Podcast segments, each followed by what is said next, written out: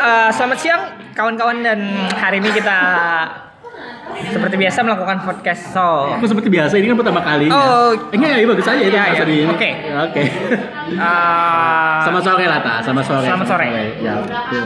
kita mau bikin namanya podcast ANT. Ya, ENT. It's like Yeah. like animals name but Yes, yes, yes. Kita Semut bahasa Indonesia-nya. ya filosofi di belakangnya. Ayo, terus di belakangnya apa?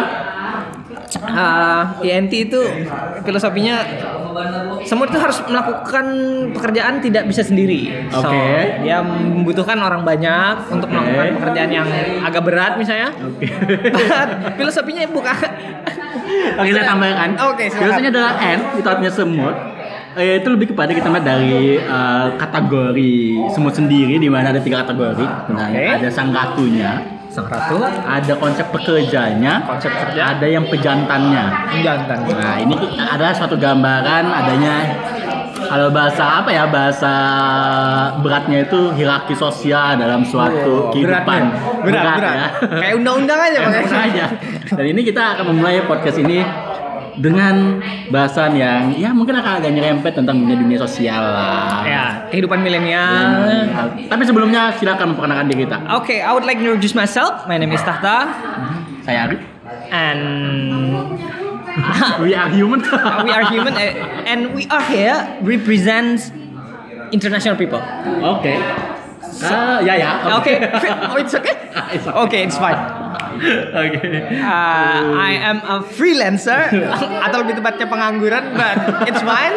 Oke, dan saya di sebagai salah satu karyawan di suatu eh, institusi swasta. Institusi swasta sebagai sebagai Sebagai seorang yang mempunyai tugas tanggung jawab, Oh, begitu aja. lah, ya, it's fine. Oke, apa yang mau kita bahas sebenarnya di awal? Sebenarnya kalau di awal-awal ini kami tidak memiliki topik yang ah, sudah struktur atau well planned. Oke. Tapi yang pertama kita melakukan introductions dulu ya. Siapa kami dan apa yang ingin kami lakukan. Oke, emang penting ya? penting kayaknya dong, penting dong. Oke. Kan oh, oh, kata orang itu well structured and well planned it's one of the key of the success.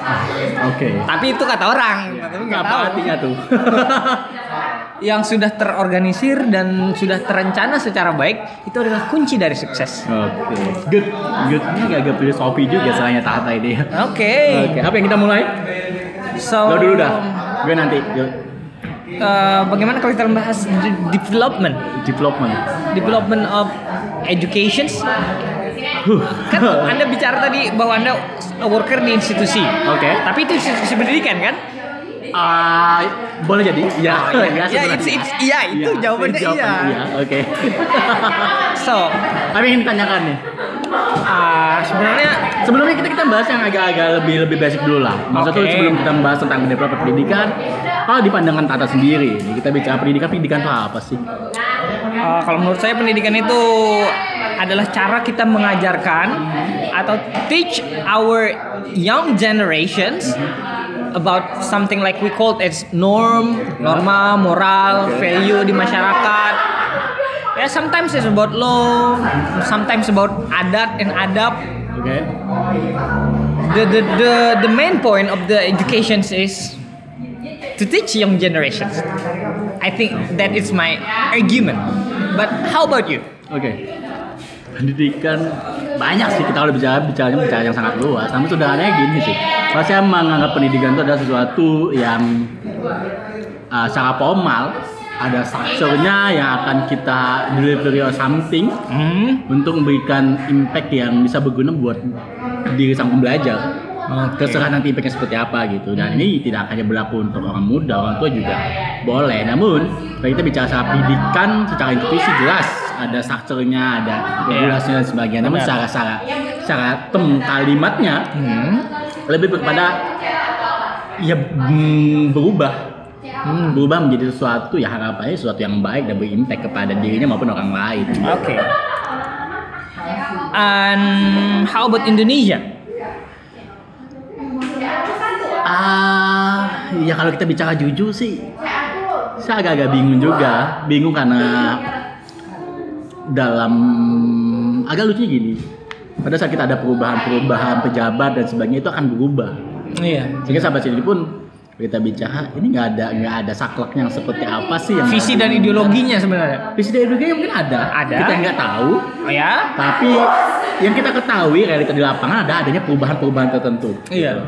Kayak kemarin misalnya dari awalnya ujian nggak ada terus ada terus nantinya ke depannya Nggak ada lagi. dengan pendekatan-pendekatan tertentu jadi pasti akan semakin ada gapnya gitu kan artinya ada gapnya tentang lulusan terdahulu sama lulusan sekarang dengan pejabatnya siapa gitu. Iya. Dan saya nggak bisa membayangkan sih ke depannya seperti apa me- mengatasi gap tapi benar bahwasanya perubahan pendidikan ini juga disesuaikan dengan kebutuhan pada saat masa sekarang atau Iya, pada saat masa itu eh, harus misalnya apa ya eh, survive lah Iya. ceritanya atau mengubah menjadi sesuatu yang Iya. bisa bisa ya dilihat Apakah ini kan perubahan dari menteri yang sekarang kan menteri Aha. pendidikan mau menghapus UN? Ya. Apakah itu bentuk dari development? Kalau menurut anda atau kita coba-coba dulu? Eh, kalau misalnya kena nanti pas ini buat anak-anak. Tapi ada risetnya dulu sih. Pendidikan. kalau ditawarkan dari isi kelas baca ya saya sebenarnya jarang sih baca Eh, terkait dengan yang itu tapi sudah kelas baca karena ada beberapa poin yang diharapkan seperti anak-anak harus belajar tentang psikologi anak-anak harus belajar tentang teknologi uh, in term untuk memang adaptasi di masa depan yang anak-anak juga harus memang tahu untuk itu Oke. dan itu sih menarik menarik bahwasanya uh, bagaimana nanti itu menjadi menjadi bagian implementasinya yang kede, ke depannya di setiap institusi itu akan yang saya masih kepikiran gimana sih caranya Hmm. karena terkait juga itu penilaiannya kan nanti penilaian penilaian sifatnya jatuh ke institusi itu sendiri Iya. nggak ada lagi penilaian yang sifatnya kolektif Iya. yang melihat dari perbedaan eh, tingkat kemampuan di setiap daerah melalui ujian nasional Iya. dan ini akan sangat sangat menarik sangat menarik ya sangat menarik harapannya karena kita bicara soal pemerataan memang masih belum merata Iya. tapi dengan melihat kondisi seperti itu ya harapannya para pengajar-pengajar juga bisa benar-benar untuk survive dan adab adab dan adopt untuk untuk untuk melihat ini adalah sesuatu yang baik gitu. Eh. Tapi em, kalau yang masalah kesenjangan pendidikan itu saya sepakat banget. Kenapa demikian? Karena dulu saya kan melakukan ini eh, kul- kuliah kerja nyata, Oke, tapi oke. itu di pedalaman. Nah itu tingkat pendidikan anak-anak orang yang di pedalaman, khususnya yang saya datain kemarin, Ya. oke we called it in Berau dan itu salah satu suku di sana di Hmm. pedalaman dan kita butuh waktu 8 jam sampai ke dalam desa. Itu tingkat pendidikan memang berbeda sekali saya rasakan. Mengapa demikian? Karena anak-anak di sana mereka sekolah SMP. Mereka seko- ada SMP di sana, walaupun ada SMP, tapi anak-anak mereka di sana itu sama seperti uh, kelas 2 atau kelas 3 3 sampai 4 SD anak-anak di kota untuk masalah pendidikan. Hmm. itu sama-sama anak-anak SD dan dan itu kerasa banget kalau misalnya kita berbicara sama anak-anaknya kita mau membahas uh, maksudnya membahas tentang pendidikan di sana itu kerasa banget. Ini kerasa ini kerasa apanya nih maksudnya? maksudnya kerasanya itu ketika kita berbicara sama anak-anak di sana itu sama kayak kita berbicara sama anak-anak SD opini saya seperti itu. Maksudnya um, SMP kan harusnya sudah diajarkan yang sudah uh, agak agak level tinggi lah Aljabar Al- misalnya. ya aljabar misalnya. Iya itu benar-benar kan. Si di sana mereka itu hitungan sama perkalian aja masih bingung. Ah, oke. Oke. Nah itu yang saya rasakan. Hmm. But kalau kita membahas general development, ah mungkin ini salah satu jalan si ah, menteri kita sekarang yang mau menghapuskan UN mungkin salah satu jalan untuk membuat perubahan lah. Tapi kita tidak tahu apakah itu akan maju ke depan atau ah saya harap maju ke depan lah. Kalau maju ya ke depan, tak. Nggak ada maju ke belakang. Kalau ke belakang mah mundur. Iya. Hmm. apa lagi? So, apa lagi nih? Iya bahasa pendidikan itu bahasa yang berat sebenarnya. Maksud itu awalnya yang bergerak di institusi pun tidak bisa melihat itu sebagai uh, permasalahan yang utuh. Mengapa?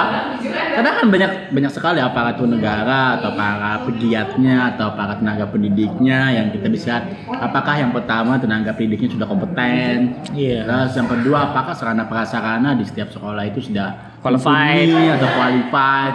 Terus apakah yang ketiga uh, kita bicara secara etnonya kan, geografinya Iya. eh, ada kaitan-kaitan regulasi Oh, kayak seperti tadi misalnya kesukuannya seperti apa. Iya.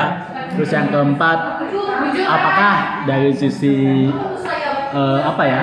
eh, bisa satu mempengaruhi juga menurut saya eh, tingkat eh, ekonomi para orang tua untuk bisa mencukupkan Iya. anaknya contoh dari makanannya dari Suplai gizi. ya suplai gizi dan sebagainya itu kan akan mendukung juga jadi kita akan bicara sangat sangat sangat akan sangat luas hal seperti ini tapi kalau kita bicara spesifik dengan penyataan ada kalimat yang mungkin kita bisa saya sampaikan ada kan uh, monkey do monkey see katanya What is that? monkey do monkey see ini adalah yang namanya seorang anak itu akan melihat seseorang yang menjadi tutornya Oh iya.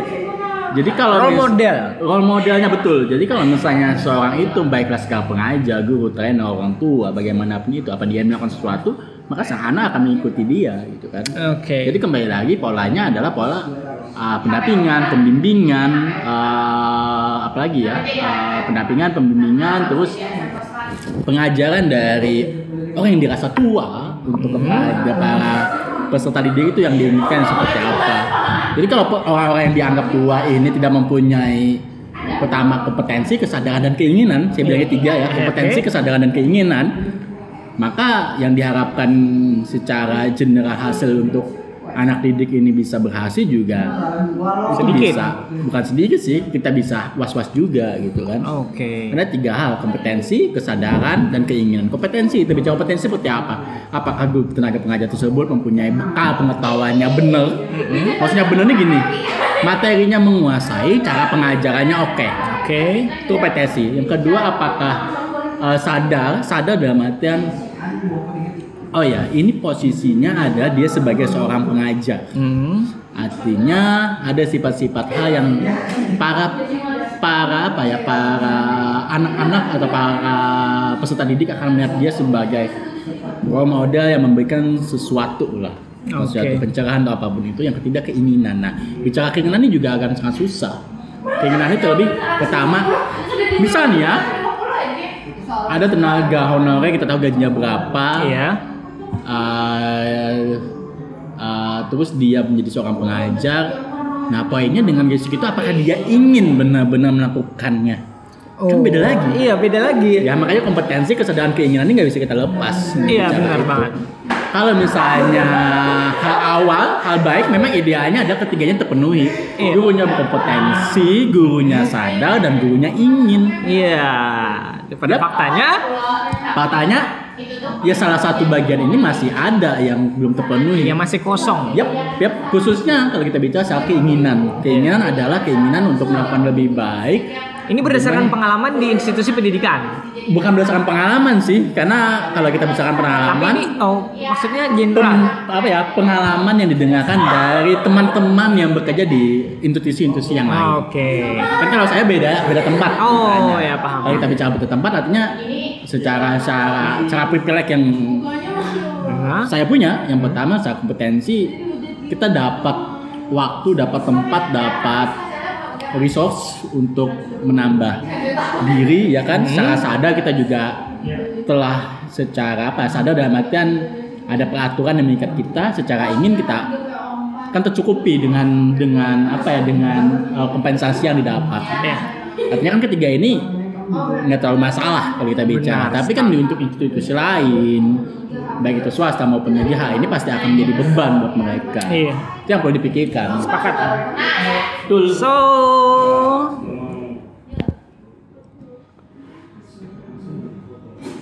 coba apa so uh, I think pendidikan sudah kita bahas hari ini. Just